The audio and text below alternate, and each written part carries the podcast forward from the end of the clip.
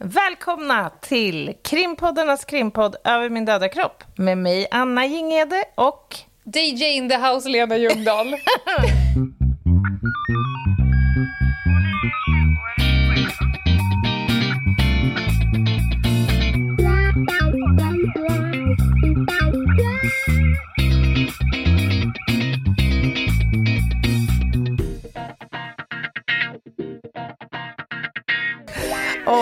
älskar det här. Ja, det är ju ny Ja. säsong.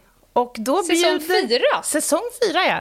Och då bjuder ju traditionen att det ska bli lite extra göttigt. Jag ångrar ju den här traditionen varenda gång vi har ny säsong. Men jag har ju gett mig på att sammanfatta föregående säsong Mm. med någon form av eh, poetisk eh, rap aerobics. Kan vi kalla det så? Ja, det... Ja. Jag, jag tänker att jag kör igång. Ja. ja, det finns ingen tid att förlora. Kör på. Nej? Har du satt det till rätta? Ja. Det är dags att rikta ljuset mot säsong tre i vår saga. Arbetstempot öka och snudd tagit oss av daga. Vissa verkar tro att vi blivit helt från vettet när måndagen ökar på produktionen utav svettet. Vi begrundar och besudlar allt runt, oss, runt om oss för ett tag. Långt ifrån tänder, knark och någon lag. Dejt och lek och möten och polisens fula kläder. Ingenting är heligt för måndagens munläder. Tiden som vi har vi på guldvåg nu bör väga. Men fler järn i elden kom ändå, så att säga. Boken har ett manus som ska in om typ en vecka. Men med Lenas mått mätt är det en ljusårssträcka.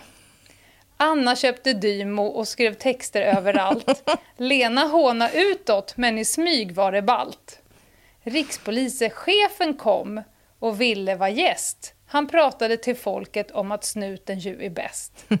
Förvåningen blev stor och ansiktet som holk när fanclub kom på fejan av underbara folk. Åh.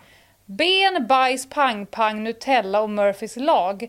Kokain, styckmord, stalkers, ja jag kan hålla på en hel dag. Listan av ämnen som återstår är lång. Det är lika bra att vi kickar igång en ny säsong. Åh, herregud, du levlar ju upp människa. Alltså, jag kände att jag hade fan mig inte tid att sammanfatta avsnitt för avsnitt. Eh, nej, precis. Det blev ett litet potpurri. Ja, jag tyckte det var underbart. Och vet du vad som slog mig nu när jag hörde din briljans i rimmen? Nej. För jag kunde knappt höra ett enda nödrim. Jo, jag ser framför mig att när nästa säsong av Tjuv och polis har sänds och ja, boken förhoppningsvis har nått ut i stugorna och Lena Ljungdahl har blivit Lena Ljungdahl med hela svenska folket, ja, då kommer Lena Ljungdahl att bjudas in till bland annat Bingolotto och Nyhetsmorgon och en massa andra härliga... Uppesittarkväll! Ja, på uppesittarkvällen, ja. Precis. Där sk- skola du sitta och rimma. I någon form av hemvirkad pullover med renar på som blinkar. Ja, ja. Det är ett Jag är obligatorium. icke främmande. Nej, jag vet. Jag gör. Ja, ah, härligt, Lena. Kul!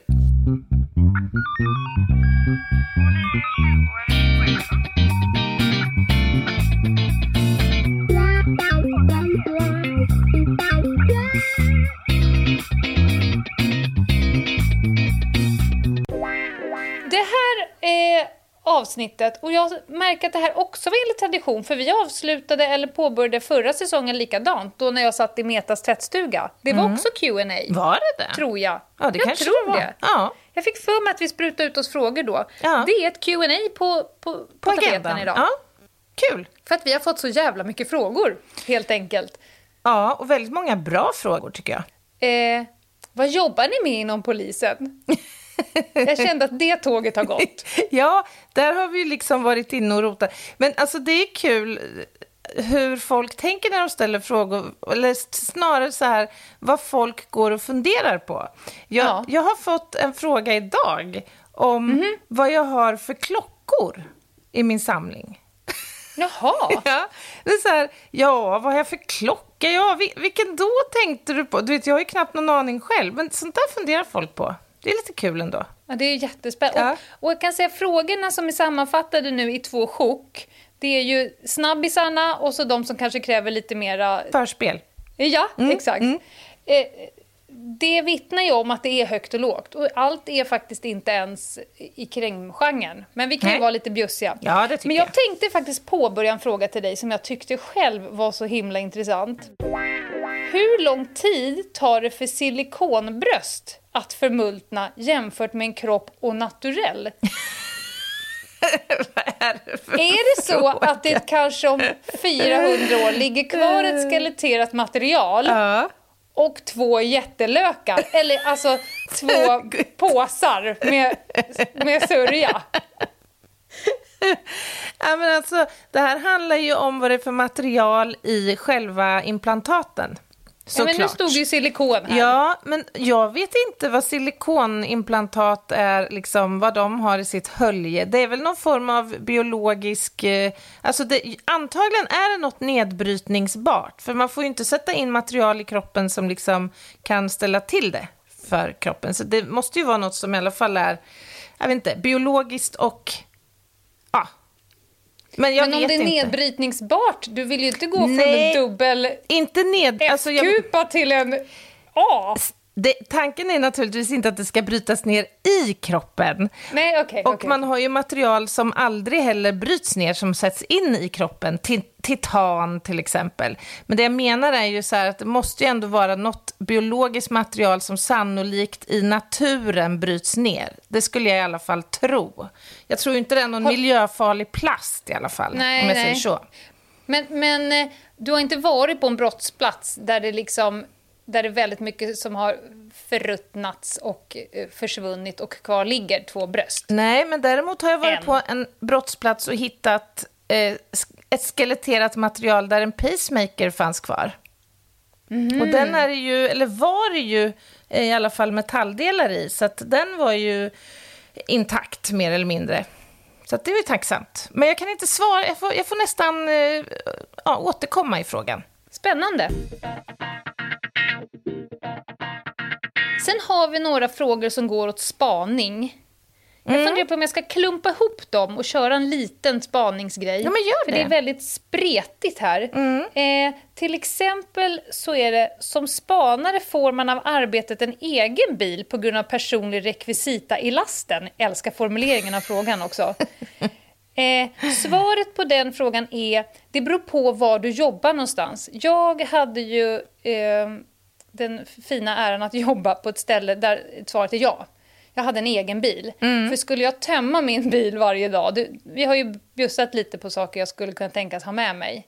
Jag hade ju fått ställa in bilen liksom fem timmar innan arbetsplatsen tog slut om jag ska tömma bilen, så en ny stackare. Eller ännu värre om en ny stackare ska använda min rekvisita. Så att jag hade en egen bil. Sen så finns det ju såklart bilar eh, som man kan snurra på. Det är inte så att jag har bara en bil. Nej, jag tänkte säga det låter ju inte sådär superpraktiskt kanske att hålla sig till en bil Nej, över tid. men som grund. Mm. Just av den här praktiska anledningen. Eh, sen är det en som frågar, spanare och civilpolis är väl samma sak? Ja. Jag orkar inte ens svara. Nej, men det här är bra. Det är ju en, en av de vanligaste, tror jag, fördomarna om spaning. Spa, om du tänker så här, spanare och civilpolis är lika lite samma sak som att en hundförare och en piket är samma sak, bara för att de båda har uniform på sig. Om jag ska dra en konstig metafor. Men en spanare är en egen profession med en egen utbildning och egna arbetsmetoder, precis som kriminaltekniker. Medan en civilpolis, det betyder egentligen bara att just idag har du inte din uniform på dig. Precis. Utan du, du kan vara en civil polis som åker ut och håller ett barnförhör. Ja, Sen så var det en, vad är det olenigaste som Ljungdahl har haft på sig i spaning? Och vilka. Jaha, okej, jag förstår. så långt ifrån mig som möjligt. Mm. Och vilka omständigheter tvingade på denna outfit? Eh, jag var tvungen att fråga min man. Och då sa han så här, du var inte så bekväm när du skulle vara bimbo. Nej, eh, det kan man ju faktiskt tänka sig. Och då vill jag lägga till att jag har varit ganska att jag har fått vara långt och fladdra ut åt olika håll. Men just bimbo-delen, den bär jag inte upp med bekvämhet. Nej, nej. Nej, det kan, Nej. Jag, det kan jag tänka mig. Ja, nej men det var lite om spaning. Kan det finnas tillfällen när man i, under spaningsinsatser eller, eller eh, uppdrag tvingas byta dialekt och så? Absolut, eller tvingas, du kan välja. Ja. Jag tänker att, Eh, Du kan välja att byta, och framförallt de som har en grunddialekt. Har en kompis som är eh, uppe, långt uppifrån. ja. Han kan dra på en sån djävulsk norrländska i vissa situationer för att det ger honom fördelar eller för att han kan då placera ett visst fack på det sättet. Eh, väldigt effektivt. ja, om man, om man behärskar den främmande dialekten, så att säga. Ja, Annars... jag, är jag är faktiskt ganska dålig på dialekter, som vi har hört genom perioderna här. Så att, nej, jag ger mig inte på det där. Däremot så kan jag eh, spela turist. Jag kan eh, prata engelska. Mm. Broken Knackig English. franska. Ja, ja. ja härligt. Och sen så en fråga här, så här, hur kan Lena arbeta som spanar och samtidigt vara offentlig person? Eh, den, den frågan kommer ganska ofta och samtidigt så skulle du kunna gå tillbaka och vara spanare? Nu, jag jobbar ju inte längre inom polisen med spaning. Nej. Däremot så gör jag spanuppdrag och håller på med de här penetrationstesterna och lite sånt privat. Men svaret är att ingen jävel känner igen mig och den frågan har vi också fått. Nej, det är ingen som känner igen mig någonsin. Eh, och om jag inte vill bli igenkänd eh, så blir jag inte det. För att det är min profession. Mm. Så, men du blir väl lite mer igenkänd i Örebro Ja, men Örebro... än vad jag blir här i Stockholm? Ja, men så är det ju. Örebro är ju en förhållandevis liten stad. Så att dels så är det ju så att vi har ju en lokalblaska så att när det har hänt något allvarligt i stan, något grovt brott och vi är ute och jobbar så är vi ju inte fler till att börja med än att sannolikheten att det är jag som är ute är ganska stor ju. Eh, Och media är ju ofta på plats snabbt. Så att dels Ja. därifrån, men sen så skriver ju jag för lokalblaskan och ja, men har synts i lite olika sammanhang. Så det är klart att här är jag ju inte, det skulle vara svårt för mig om, om det någonsin skulle överhuvudtaget tänkas ske att jag skulle överväga en spaningskarriär så skulle det kunna innebära vissa problem i Örebro för min del, det tror jag. Alltså jag skulle älska att ha dig på den långa spaningsutbildningen. Att se dig sitta och titta på första dagen när man beskriver vad du ska göra dina närmsta veckor. Ja. Och så bara titta på Och dig. se mig blomma ut, tänker du? Eller? Jag har sett så må- jag måste säga, jag har sett så jävla många gubbs blomma ut. De här som är lite trötta har fastnat i sin hantverksluck och kört liksom samma som de alltid har gjort. Mm. Och sen var det så sjukt ska Vi sitter ju i mentorsamtal med dem och liksom knådar dem. Ja, just det. Eh, Så sjukt skeptiska, men sen efteråt så gör de just det du sa, Hmm. blommar ut. Mm. För att, att bli duktig på sitt jobb, det ger ju makt. Ja, Det verkligen. ger ju makt att kunna jobba liksom ännu mer. Mm.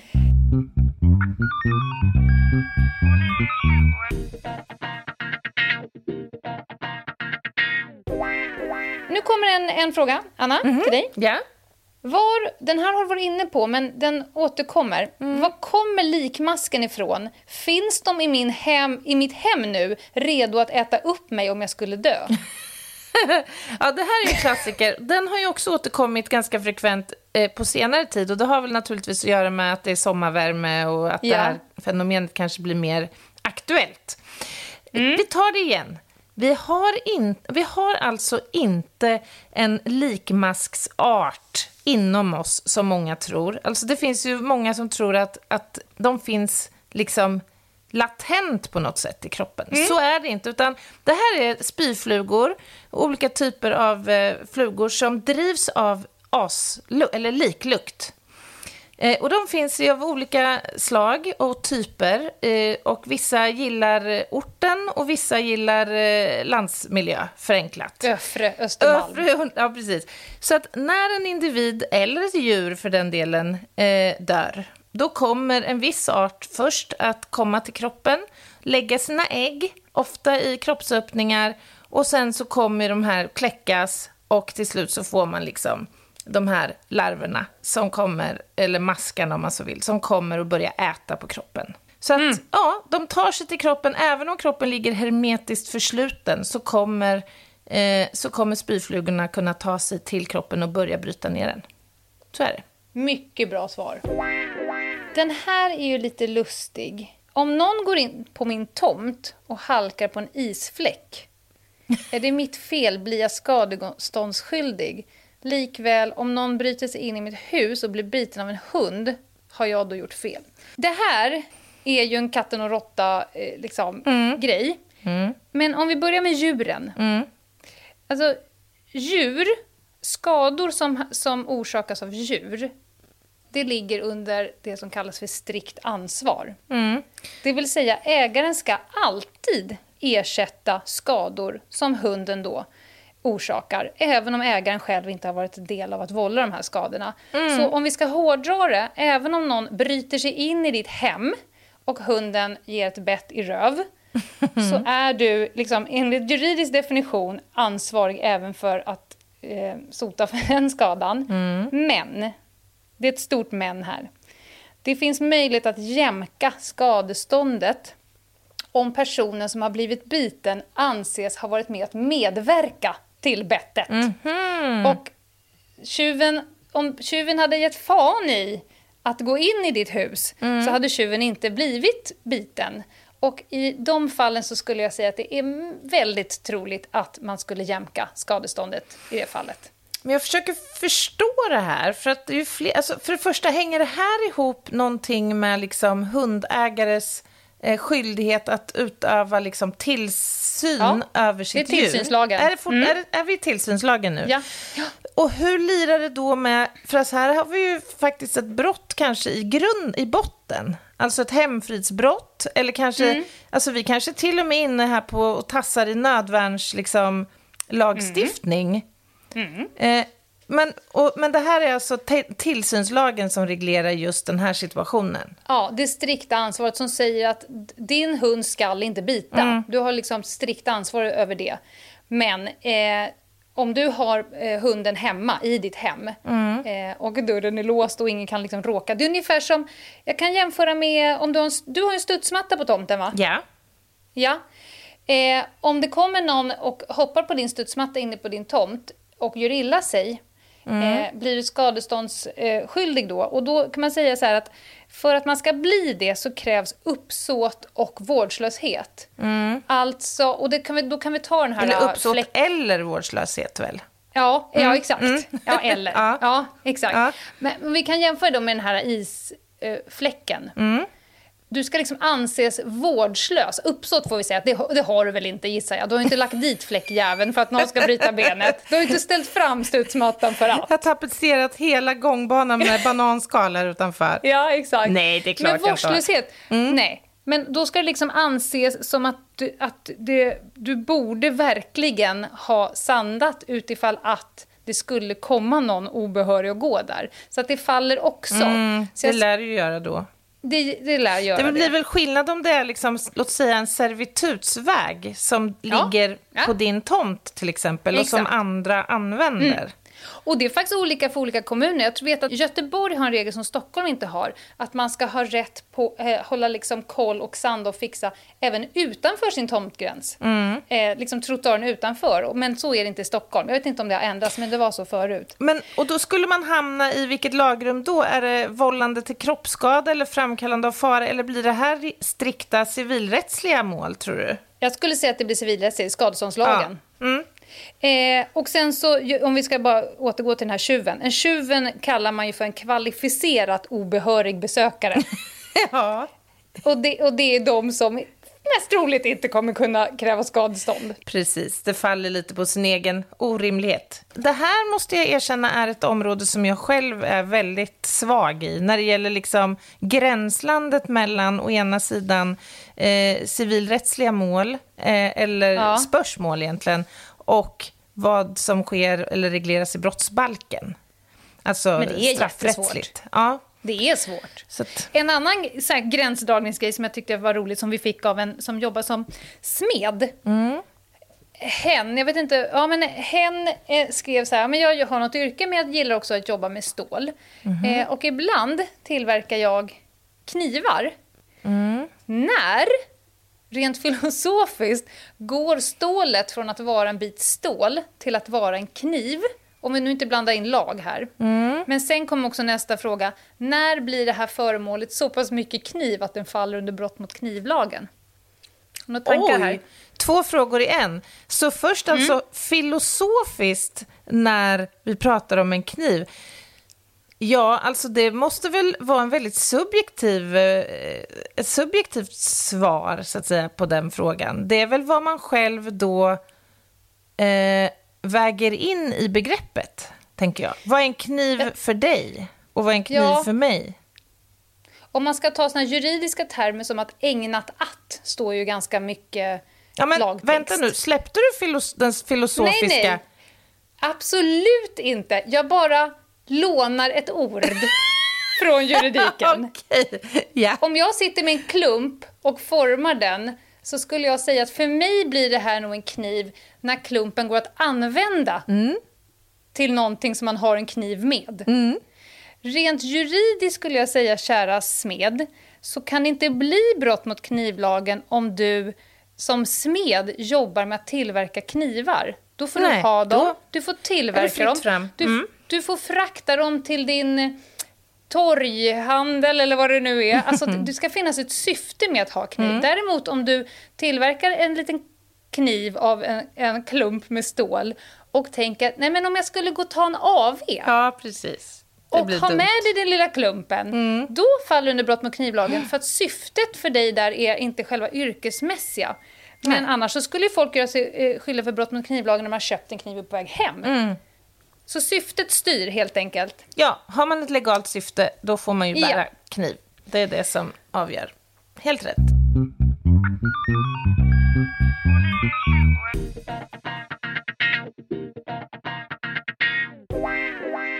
Ska vi, ska vi ta några kortfrågor? Ja, Nu när vi har fått lägga pannan i väck en stund. Mm. När kommer boken? boken kommer hösten 2021. Vad handlar boken om? Ska vi... Är, är tiden inne nu? Ska vi, ska vi avslöja någonting? Absolut inte. Nej. Vi kan säga så här. Det är en kriminalroman. Vi har eh, ganska många spännande och härliga karaktärer i, i eh, boken. Det kommer såklart att finnas eh, eh, lite brott som ska utredas och hämnd ska utkrävas. Ungefär så kan man väl ändå Snyggt. säga. Snyggt. Mm? Varför finns inte Tjuv och polis säsong 1? Och där, den har vi varit inne på, för vi har fått den frågan massor med gånger. Mm. Och det är nog för att licensen, eller vad det nu heter, rättigheten har nog löpt ut.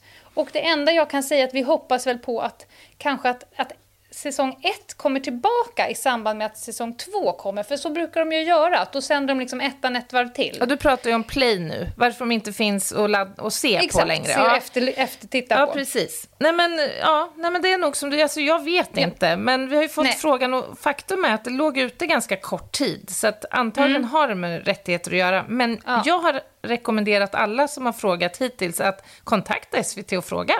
Ja.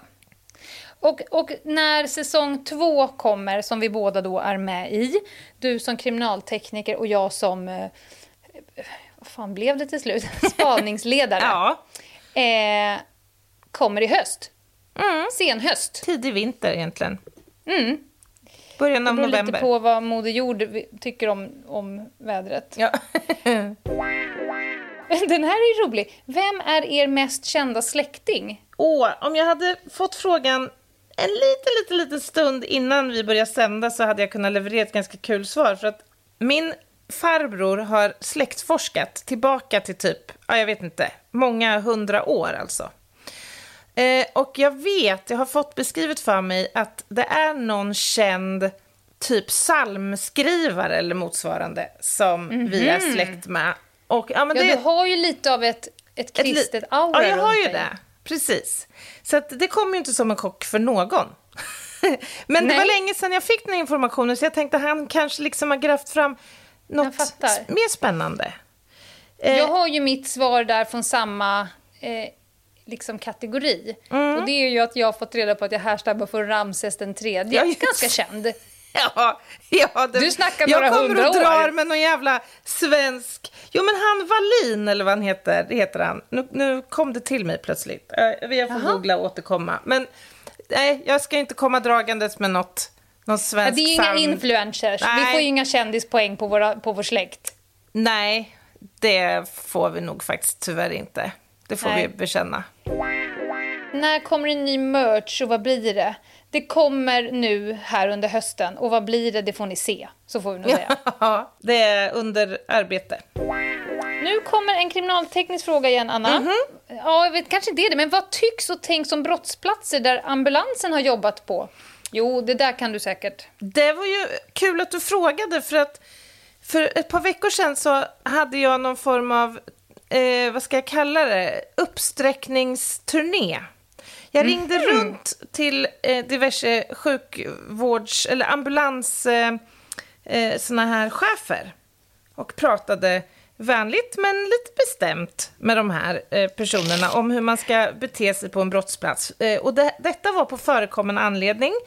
Eh, och Ja. jag kan också nämna att jag har tidigare utbildat all ambulanspersonal i typ eh, Mellansverige. Nej, det har jag inte, men i Örebro och Karlskoga och sådär. Eh, och idag fick jag ett eh, mejl från en som är ansvarig för den här verksamheten som sa nu tycker jag att det är dags att ta ett omtag på det här. Nu måste vi återigen, för vi har så mycket ny personal som behöver få lära sig hur man ska och hur man inte ska agera på en brottsplats.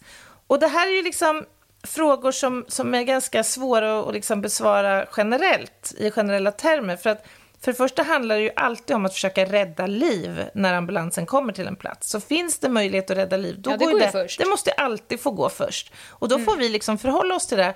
Sen finns det andra delar i det här som spelar in och som kan ställa till det mer än vad det gör nytta. Och det är tyvärr en sån sak som etiska skäl. Att man till exempel kanske vill lägga en filt över ett mordoffer eller någon som ligger avliden eller att man vill ta med kroppen från en plats med, ambulansen fast personen är avliden och har utsatts för brott. Och då kan det stjälpa tyvärr en hel eh, mordutredning om det vill sig riktigt illa. Kan vi sammanfatta eller enas om eh, att det, svaret på hur man ska göra rätt det är att försöka tänka efter före men framförallt vara jävligt tydlig och transparent med vad man har gjort som patrull. Oavsett om det är en polispatrull, ambulanspersonal, allmänhet eller någonting. Jag har stått där, jag har gått där, jag har pillat på det, jag vet att det var dumt men så att man inte murkar någonting. Mycket Sen bra får ni bara kommentar. försöka göra ert jobb utifrån det. För oss blir det ju att liksom rekonstruera först den händelsen, plocka bort, försöka liksom avlägsna de spåren, räkna bort dem, innan vi kan börja inrikta oss på de som är relevanta för själva brottet. Hur står sig svensk polis kontra andra länder gällande utbildning, kompetens och uppklarade brott? Oj, vilken jättefråga. Uppklarade brott är ju svårt att veta. Vi vet ju bara hur det ser ut här. Men utifrån alla svenska poliser som skickas ut i världen. Eh, alltså jag har ju varit runt, du har säkert varit runt. Eh, det är mycket svenska poliser med i Sepol och utbildar och sen så även till andra länder för att styra upp andra länders polisorgan. Den informationen lägger jag ju som att vi ligger bra till när det kommer till... Vi är inte korrumperade. Eh, vi, ut, vår utbildning i Sverige är lång för att bli polis. Det är två och ett halvt år och sen fortsätter efter det. Jag menar, är du i andra länder, det kan ju ta på tre, fyra veckor så är du polis. Jag håller med dig, Lena. Jag skulle säga att svensk polis är ju ansedd i väldigt många delar i, i världen för att vara dels, som du säger, grundad i en demokrati Eh, och i en bra utbildning. Och när det gäller uppklaring av brott och så, så beror det lite på vilken typ av brottslighet man tittar på. Tittar vi på dödligt våld till exempel så ligger ju vi jättebra till i Sverige med nästan 100% i uppklaringsfrekvens. Eh, och det beror ju på flera saker. Eh, framförallt, eller dels så handlar det ju om vår polisiära förmåga. Eh, men också, eh, ja men det, det, det är flera faktorer som inverkar helt enkelt. Men vi har ju ett bra utredningskoncept för, eh, för dödligt våld helt enkelt. Eh, sen har vi ju andra brottstyper som, som vi kanske inte kan vara riktigt lika stolta över. Till exempel våld i nära relation och sådär. Mm. Eh, där behöver vi bli mycket bättre. Men å andra sidan är det en brottstyp som är svåruppklarade, även i typ resten av världen.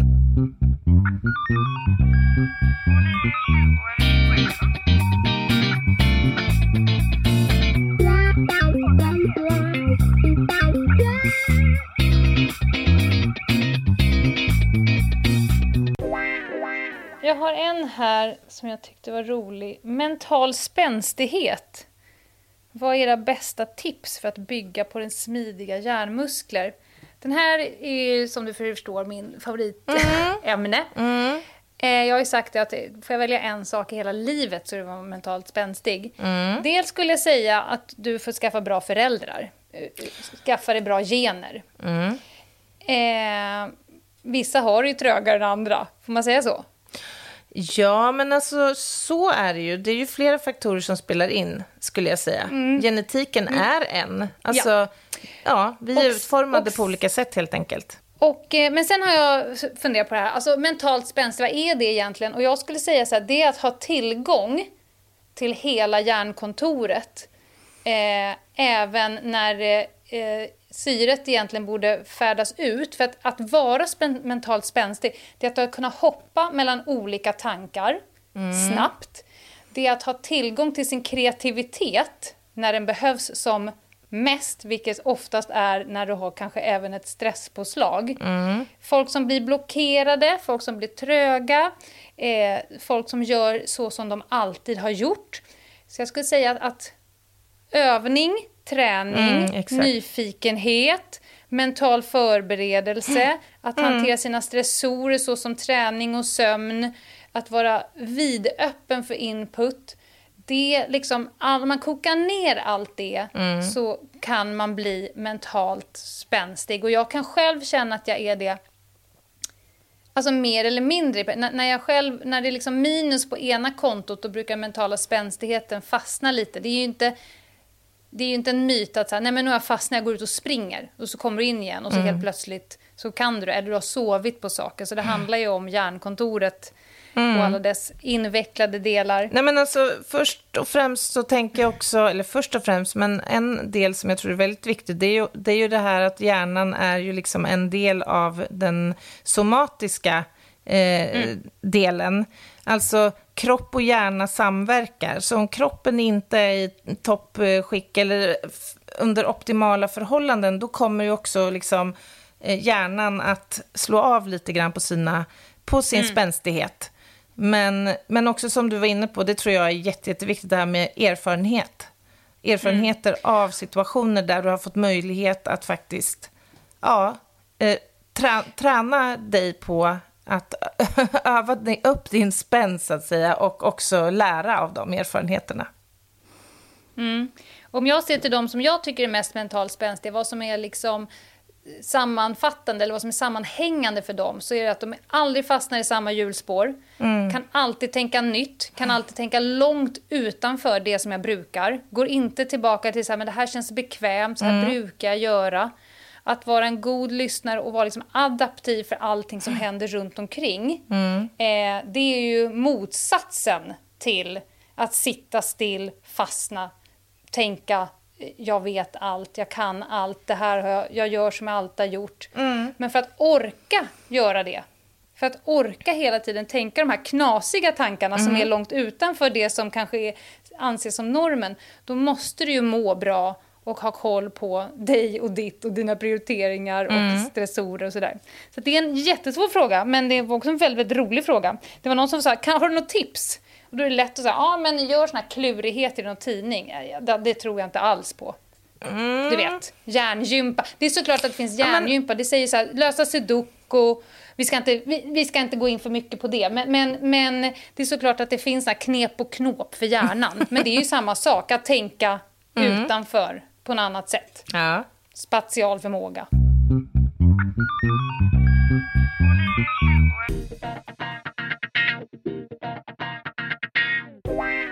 Anna, vem sköt Palme? Oj. Den kan du ta.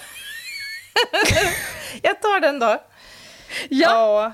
Nej, jag, jag, jag har faktiskt inget bra svar på den. För det första så ska jag erkänna att jag är faktiskt ganska dåligt insatt i palmutredningen. Eh, det är inte så att jag har nördat ner mig i den Nej. nämnvärt. Jag har nördat ner betydligt mycket mer i andra. Eh, det enda jag med säkerhet kan eh, känna det är att vi aldrig kommer liksom kunna gripa någon för mordet och Nej. inte heller utdöma någon form av straff. Den, det tåget har liksom gått. Man fick ju någon form av ny energipush här på slutet, men konferensen var ju ett antiklimax som var liksom... Vi har ju pratat om Ja, det, det förut. Det enda som var roligt med hela konferensen var den här bilden där Ja. det stod penisen bakom dem. De- det var det enda jag fick ut av den här De konferensen. var ändå ganska upplyftande. De kompenserade ju ganska väl för liksom, debaclet vid själva konferensen. Nej, men det där var ju en besvikelse. Man hade ju verkligen hoppats på någonting liksom konkret. Det hade känts bra. Ett Ja. DNA-spår eller vad som helst. De hade liksom lagt upp det så, så att det skulle komma något konkret och så var det bara... Mm. Ja, det det, var som att läsa plattfall. filter en gång till. Mm, ja, ja, visst. Två juridiska frågor. Eh, skrämma fortkörare med hårfön. Har du sett den som har Ja. runt? Ja, men då- Älskar honom. alltså, han? Rolf? vem är han? Bengt. Ja, det var en äldre Alltså, man, vet jag. Som Jag är- skulle vilja säga så här att jag älskar det. älskar det. Men jag skulle också vilja säga att det touchar Mm. ett brott. Ja, Föregivande av allmän, ställning. Ja, precis. Och vad är det? Ja, det är när man utger sig för eh, att vara eh, polis, till exempel. Mm. Eh, och att det också kan upp, riskera uppfattas så av allmänheten. När, när vi var uppe i Särna nu här i, för några veckor sedan, då på en, en eh, liksom vägstolpe eh, så stod det en person, en helt klädd i liksom blått, något blått ställ, eh, gul reflexväst och blå keps och någonting framför sig. Och sen på liksom, kroppen så var det en stor skylt som det stod polis på. Tänk dig typ ett A4 på magen. Så det såg ut som att det var någon som stod och sköt med, med, med laser där. Men det här var ju bara en docka som någon har ställt dit. Ja. Och då är frågan, kan en docka åka dit på föregivande allmän ställning? Eller så får man försöka göra någon form av brottsplats och försöka hitta den som har ställt Ja, dit den. det blir lite svårt för att en docka är ju liksom ingen eh, fysisk eller juridisk person så att säga. Nej. Nej. Men, den har inte kommit dit själv. Nej. Det kan vi vara överens om. Det har den ju inte gjort i och för sig, men det blir nog svårt att driva det. Ja, det är Men, roligt. men man får ändå säga att det, var, det är ändå väldigt kreativt det här med hårfönen. Fiffiga, Och ja, alla de här sätten som, men, som liksom man uppnår önskad effekt på. Alltså det finns ju Mm. många exempel på det där. Det finns ju många andra liksom bra exempel som inte behöver innebära att man själv riskerar utsätta sig för att begå brott. själv. Mm. Nej. Okej, nu tar vi den här. Den här är ju svår alltså, men har ni några liv, livsråd? Ja. Eh, ett som jag tycker är ganska bra, det är ju att aldrig säga nej. Alltså, Eller vänta, vänta. Det, det, jag skulle ju säga, jag vet precis vad du tänker ta det här nu. Just i detta nu så, skulle jag väl, så känner jag att jag kastar stora stenbumlingar i mitt glashus som jag sitter i. för, Ja. för just i detta ögonblick så önskar jag att jag hade sagt nej eh, många gånger de sista två månaderna. Säg för fan nej lite oftare, Anna Jinghede. Men generellt så skulle jag säga att om man är ja-sägare, det vill säga att man så här, ja men det låter kul, jag testar, eller varför inte? Då kommer man också få uppleva så mycket mer och man kommer utvecklas som människa mycket mer. Om man vågar släppa sargen och faktiskt ge sig ut lite i det här som är okänt och otryggt. Den, eh, den touchar det jag hade skrivit. Och det jag har skrivit inser jag nu också är ett svar på hur man kan vara mentalt spänstig. Eh, ha en framåtlutad inställning eh, har jag ofta återkommit till. Och det gäller till livet, det gäller till så stora problem eller att du är rädd eller någonting Men annat. vad betyder Att- det att ha en det framåtlutad betyder inställning? lite, pip, lite Pippi Långstrump. Det här har jag aldrig provat, det är jag nog skitbra på. Mm. Lite så här, det här är ett jättestort problem, men om man har en framåtlutad inställning till det hela, att det kommer lösa sig, Det här finns det till och med forskning på. Alltså det kommer lösa sig, det här kommer gå bra. Om man liksom bygger in saker i någon form av positiv aura så går det oftast lättare, det är oftast roligare. Eh, Du lär dig oftast mer av att ha en sån inställning. Försök få det till våra tonårsbarn. Ja. Tänk om de hade lyckats ha en framåtlutad inställning till eh, religionskunskapen eller vad det nu är som är tungt. Så att, att, att, att ha det eh, hjälper mycket. Det var mitt ena och mitt andra är ha dina fucking priorities eh, i ordning.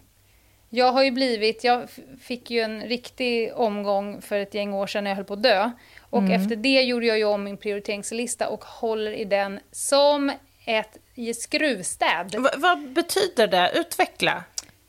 Det betyder att jag får panik när jag sitter och lyssnar på människor där jag inser att du bor med en man som du inte vill bo med, du jobbar med ett jobb som du inte ger dig något, du bor i en stad som du inte gillar, eh, du håller på med en hobby som inte är så kul, du umgås med vänner som är en jävla energitjuvar. Och detta pågår år ut och år in. Och mitt livsråd är att gör exakt det du vill, var med sådana som ger, Eh, dumpa godsvagnen om godsvagnen inte skärper till sig. Eh, dumpa polarna som inte ger dig någonting. Alltså, för då blir livet så jävla mycket peppigare att leva. Och du kan vara så mentalt spänstig så du kan kräkas på dig själv. Ja, och sen, men sen tycker jag också ibland att det blir så deppigt när jag hör hos människor i min omgivning som befinner sig i de här situationerna och som inte tar tag i, i dem. Men jag får, Att, jag, att, jag att de här har- människorna har ju inte förstått liksom, vilken Nej. otroligt begränsad också tid som vi faktiskt får. Mm. Alltså här, om man skjuter på de här grejerna och tänker att men det där gör jag någon annan gång eller tar tag i nästa år, eller, ja, det är faktiskt inte givet att det kommer att kunna bli så.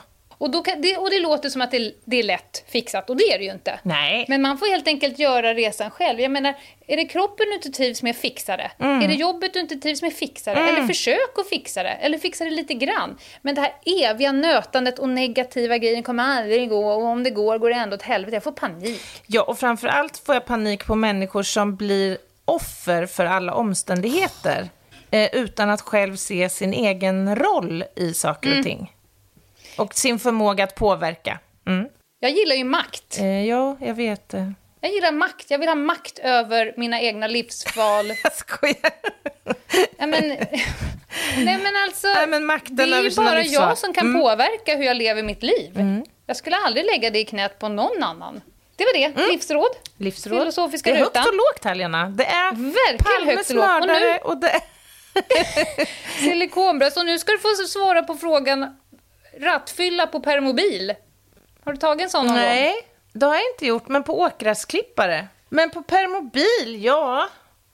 Är det, vad är det för typ av fordon per, en permobil? Exakt. Där är du inne på det. Det är huvudet på spiken. En Mm. åkgräsklippare kan du välja om du ska åka på eller inte. Men Mm. en permobil är- sitter du ju mest troligt på av en anledning. Mm. Eh, och därför så om du är ute och är på prutten och åker permobil så blir det mest troligt vårdslöshet i trafik om du typ kör över någon eller kör in i något. För att det är inte självvalt, så det kan liksom inte bli rattfylleri. Däremot så, nu tänk, börjar jag tänka ännu längre. Om jag stjäl din permobil, men jag kan själv välja att inte åka på den. Jag är trött i benen. Ja, jag fattar, fattar. Jag tar din permobil och kör den full. Då är det ju faktiskt ett fordon. Eh, Så att möjligtvis då, då. Men annars så skulle jag säga vårdslöshet i trafik. Ungefär som att du cyklar åt Mm, helvete. jag förstår. Och ställer till det. Styrfylla. Alltså, det är ju lite problematiskt med alla de här nya typerna av fordon som ploppar upp. Och, och som har ploppat upp de sista, ska vi säga, tio åren. Ja, men det, nu är det ju mycket med de här kickbikes, elsparkcyklarna. Till exempel. De kommer ju upp i ansenliga hastigheter. Men det här är ju liksom oreglerat. Det finns inte liksom reglerat hur gammal du måste vara för att få köra dem. Eh, och ja, du vet, de här klassningarna för ja, vägtrafik Ja, och det allt. finns ju så det ju många med. olika fordon. Ja, det gör ju det. En uppsjö. Skateboard med motor Ja. och sen något litet jävla hjul. Så, alltså, det där. Alltså när det kommer en man nu Det kommer en man och man ser på hans uppenbarelse att han tycker att han är så jävla Han frän. äger världen. Ja. Han bara står lite så här med en lite så här halvskitnödig min. Här kommer jag. Och så tittar man så bara, men Bubbis. ja. Du har ett litet hjul mellan dina... Jag får känslan av du vet, en sån där stylta Alltså, som man höll enhjuling. hoppade på. Boing, boing, boing. Ja. Eller en sån där pilatesboll med två öron som man kunde hålla i och hoppa. Men du, jag antar att du inte pratar om en enhjuling nu, utan en sån här som du liksom står som på två pedaler på varsin Exakt. sida av ett hjul. Ja, Ja, som det för spelar övrigt ingen roll. verkar dirr livsfarligt, om du frågar mig. men det spelar ingen roll. Skärp dig. Och de här som cyklar, typ, det finns några cyklar som är nästan liggandes. Ja. Nej, jag kanske har för starka åsikter här, Du men vill nu ha har jag det. cyklar som har ett stort och ett litet hjul. Det är... Det ska Ja. vara. Ja. Från 1200-talet, eller när var man hade såna? Början- Pytte, hjul Början på 1900, tror jag. Början på 1900-talet. Mm. Eh, ja, det var det. Det var det om det.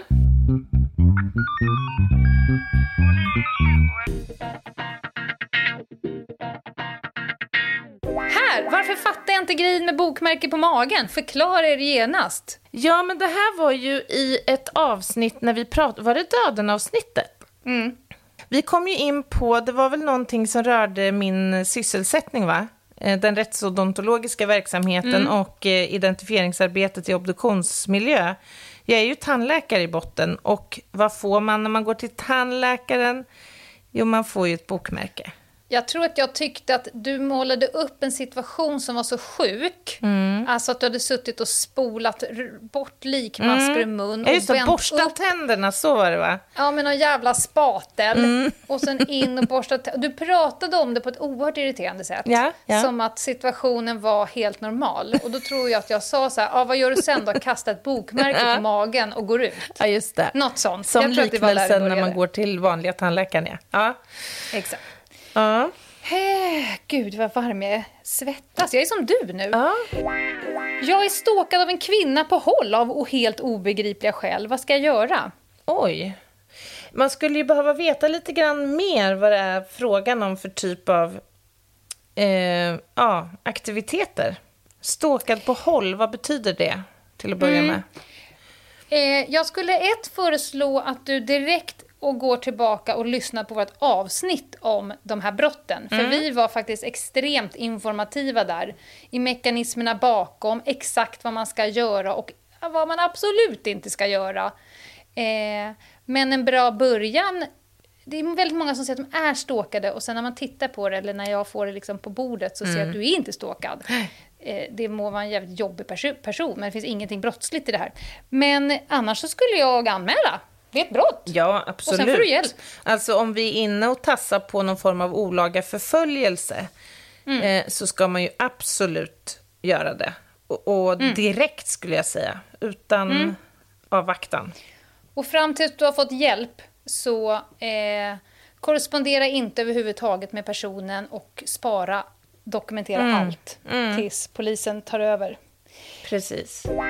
Lena är livvakt. Ja, tack för informationen. Eh, vad reglerar vad hon får göra och inte göra som en icke-polisiär livvakt? Det här Ah, var ju vilken bra intressant. fråga. Jättebra. Men vet du, kommer ihåg att du har pratat om att vi ska ha ett helt livvaktsavsnitt. Mm. Så jag gjort. tror att jag inte svarar. Nej, du tänker så Jag tror ja. att vi kör ett helt avsnitt om att vara livvakt. Mm. Ska vi ta och döpa avsnittet till Kevin Costner när vi ändå håller på? Ja, fan, då, jag måste nog se filmen tror jag till och med, Bodyguard, innan avsnittet. För att liksom göra en liten recap. Få, komma Ja. in i rätt mod så att säga. Ställa riktigt intelligenta frågor. Framförallt så kastar ju jag alltid på jobbet olika typer av sjalar över sablar så att de går isär i Ja, två delar ja. och landar på golvet på ett väldigt sensuellt sätt. Mm, mm, mm. Nej men vi kör ett livvaktsavsnitt. Det var kul. Mm. Det är roligt att, att eh, vi efter 52 avsnitt inte har berört det som är mitt yrke till stor del nu. överhuvudtaget.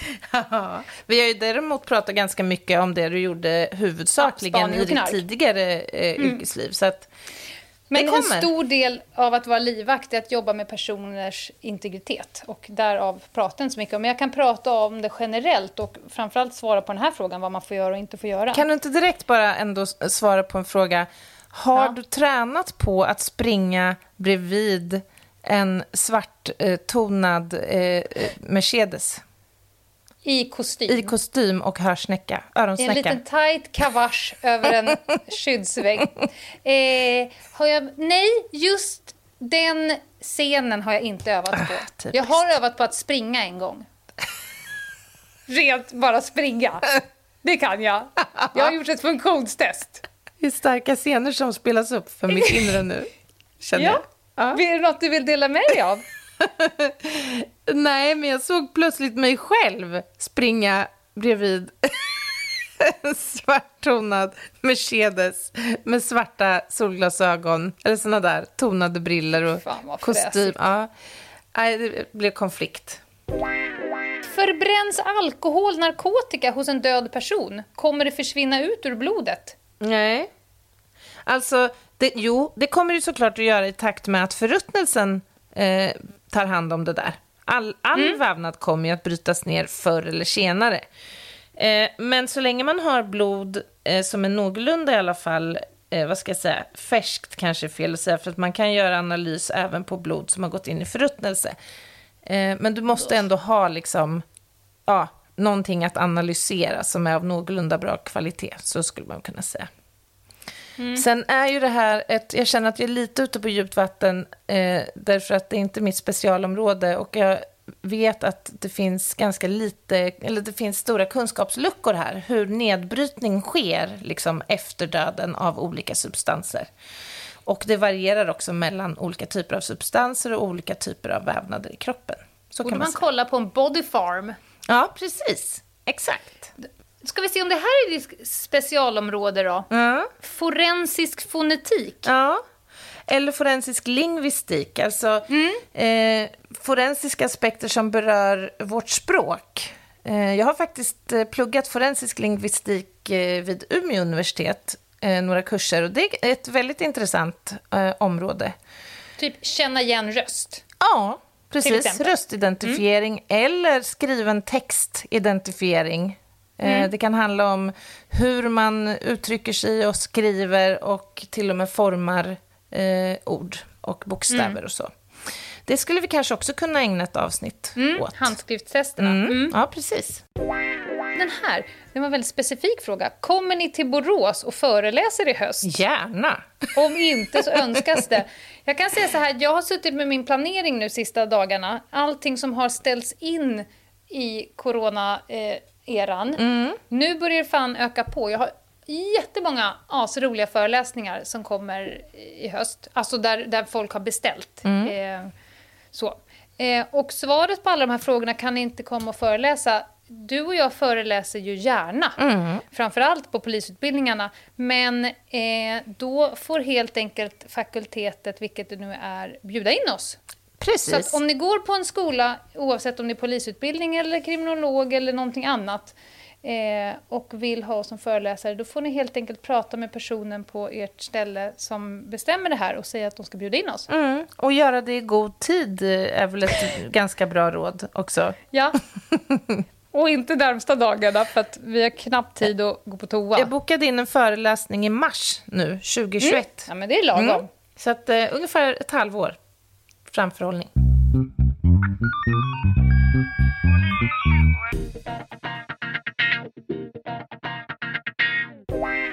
Jag såg en fråga som kom häromdagen som rörde vårt förhållande till döden, Lena. Vad har du för förhållande till döden som faktiskt har varit eh, nära Där och döden? touchat. Mm. Jag har också varit där, men inte riktigt på samma sätt. Nej, du är ju med döden ganska ofta. Men jag har också varit eh, svårt sjuk och faktiskt varit illa ute. Men det, det är en annan sak när det liksom är en kortare period och som snabbt liksom är ja, övergående än när man ligger och är sjuk över lång tid och genomgår en väldigt, väldigt tuff behandling som du ju har gjort. Alltså, mitt förhållande till död, jag skulle nog vilja säga att jag fortfarande är ganska krass kring det där. Den, den kommer att komma. och då är det slut. Eh, jag lever på ett sånt sätt att jag ska försöka få den att komma så sent som möjligt.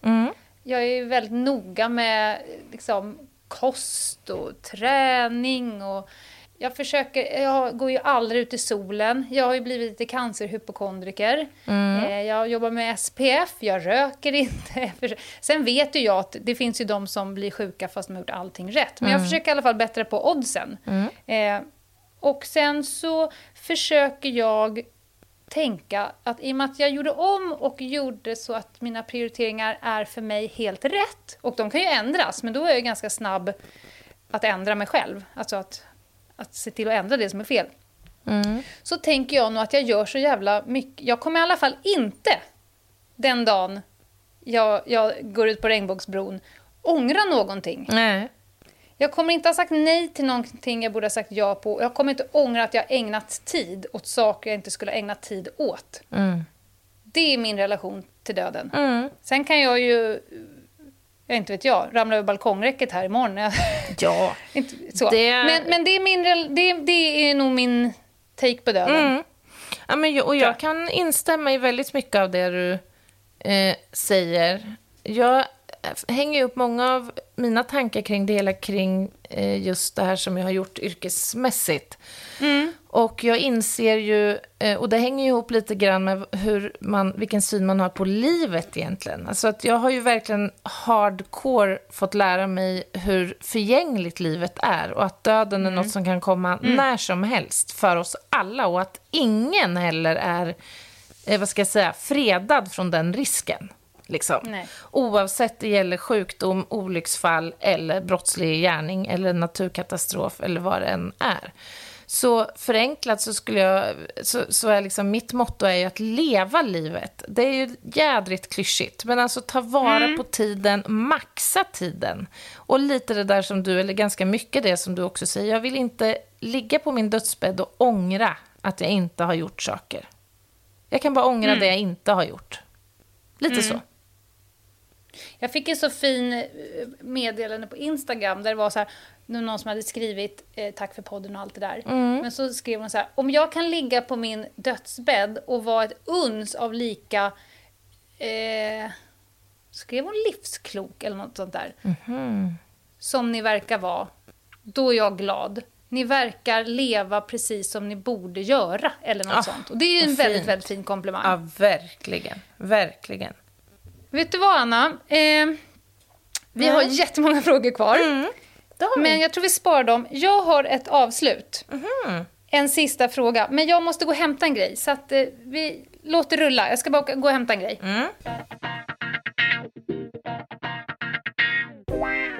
Okej, ska vi ta en sista fråga? Och Den tyckte jag var så här intetsägande, men sen så var jag tvungen att researcha lite och det var ganska roligt.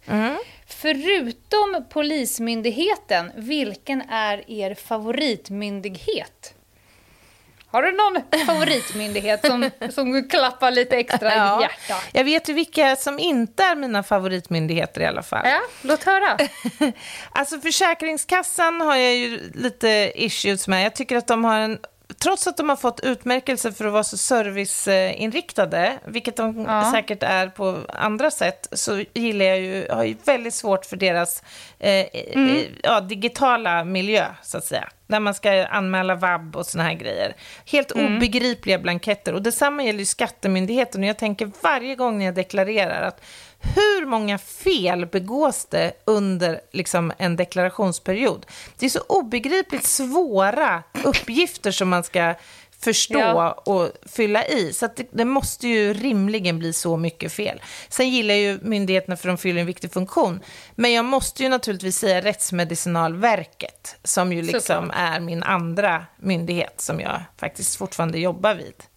Så det får det bli för mig. Jag, jag fastnade ju helt, så jag var ju tvungen att kika så här, hur många finns det Ja, det egentligen? finns, ju för fan hur, flera ja, det är åtskilliga. Men nu ska jag säga vilken som är min favorit. Mm. Stängselnämnden. är det något som du jobbar mycket med? Nej, jag tänker Nej. Gunnebo. Jobbar de mycket Gunnebo-stängsel? Jag du? kan säga att jag vet att du inte har jobbat med dem av den enkla att de har, inte haft, de har haft ett ärende på 30 år. Oj! Lyssna nu på det här. Jag hittade en sån fantastisk artikel. Alltså, 1977 kommer ärendet in då. då. Det, är alltså, det har inte hänt någonting på 30 år. Nej. Då kom ett ärende som piggade upp lite grann, den tråkiga stämningen. Ja. Det gällde ett 32 meter långt staket för 19 000 kronor vid Kågeröds gamla stations och banområde. Stationen var nedlagd, växlarna låsta och spår skulle plockas bort. Kommunen ville att SJ skulle stå för hälften av kostnaden. SJ ville bara betala 10% Stängselnämnden fattade ett rådigt beslut. Parterna fick dela på kostnaden och betalade 305 kronor var för handläggningen. Det här har inte varit något mer, eh, någonting alltså på 30 år. Deras sista chef, numera pensionerade hovrättspresidenten Gunnel Wennberg, minns att det fanns bara en perm på myndigheten. Vi hade inga lokaler, vi hade inga inställda. Det kunde komma något brev från allmänheten som vi besvarade och då satte in i den enda pärmen. Men alltså, jag, jag förs- försöker förstå det här. Är det på riktigt alltså? Vänta här nu! Ja. Men det fanns människor som begärde ut allmänna handle- handlingar för att se om vi var alerta på nämnden. Alltså vi, vi pratar en person då. Ja, ja. En person hade skickat en glödlampa med skrift runt hela glaset. Den var skickad i en låda så vi trodde först att det var en bomb eller något. Sen begärdes den ut som allmän handling. Jag tror att en vaktmästare försökte kopiera texten runt lampan på något sätt. Är det inte fantastiskt? Jo, men Myndighet verkligen. Sverige ändå. Finns den kvar, den här myndigheten alltså? Eh, nej, jag tror att den har fått, fått eh, gå ut på regnbågsbron. Den, med. den lades ner för tio år sedan. Sveriges minsta myndighet, Stängselnämnden. Eh, de har avgjort ett ärende på tre decennier. Ja, det känns ju som en myndighet som kanske då inte... Alltså, om, om det är så begränsat med uppgifter för myndigheten så kanske de kan läggas hos någon annan myndighet helt enkelt. Jag tänker att själva syftet med myndigheten var att fälla avgörande fall kommuner och järnvägsföretag inte kunde komma överens om kostnaden och uppförande av stängsel Ja, vid det är spår. smalt. Det är smalt. Ja, det är smalt. Det är smalt. ja. Ja, nej. Ja. Vi får spara. Vi har en helt jävla A4-ark här med, med frågor. Men vi Mm. får, ni som inte fick svar på era frågor, eh, bear with us. Mm. Vi kommer tillbaka till ämnet. ja. Och Mm. eh, det är ju jättekul att ni skickar så himla mycket frågor till oss. Och det här är ju ett sätt för oss att kunna besva- hinna besvara eh, en del av dem i alla fall. Eh, så fortsätt att skicka till oss på Ljungdahl och Ginghede gmail.com eller på Instagram, Ljungdahl och Ginghede. Det var torsdagen det. Det var torsdagen. Vet du, det händer en liten grej på måndag. Jaha. A little bit of news i podden. Ja, just det. Mm. Vi kommer att få veckans spaning levererad. En liten, en liten eh, vad ska man säga, en liten instickare snett från vänster. Mm. Så är det en annan person som har, kommer ge oss en spaning Ja. att reflektera kring. Det känns ju lite läskigt. Läskigt men också oerhört tacksamt, känner jag, Ja. i dessa tider. Ja, Nej, men det blir kul. Ja. Det blir roligt. Vi Verkligen. säger ja. Mm. Vi hörs på måndag. Det gör vi. Bye, bye. Bye!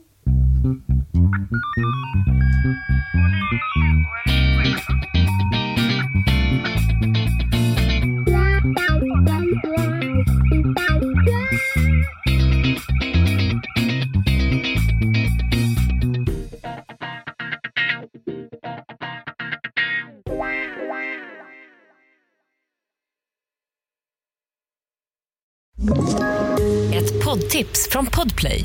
I fallen jag aldrig glömmer djupdyker Hasse Aro i arbetet bakom några av Sveriges mest uppseendeväckande brottsutredningar. Går vi in med hemlig telefonavlyssning och, och då upplever vi att vi får en total förändring av hans beteende. Vad är det som händer nu? Vem är det som läcker? Och så säger han att jag är kriminell, jag har varit kriminell i hela mitt liv men att mörda ett barn, där går min gräns. Nya säsongen av Fallen jag aldrig glömmer på Podplay.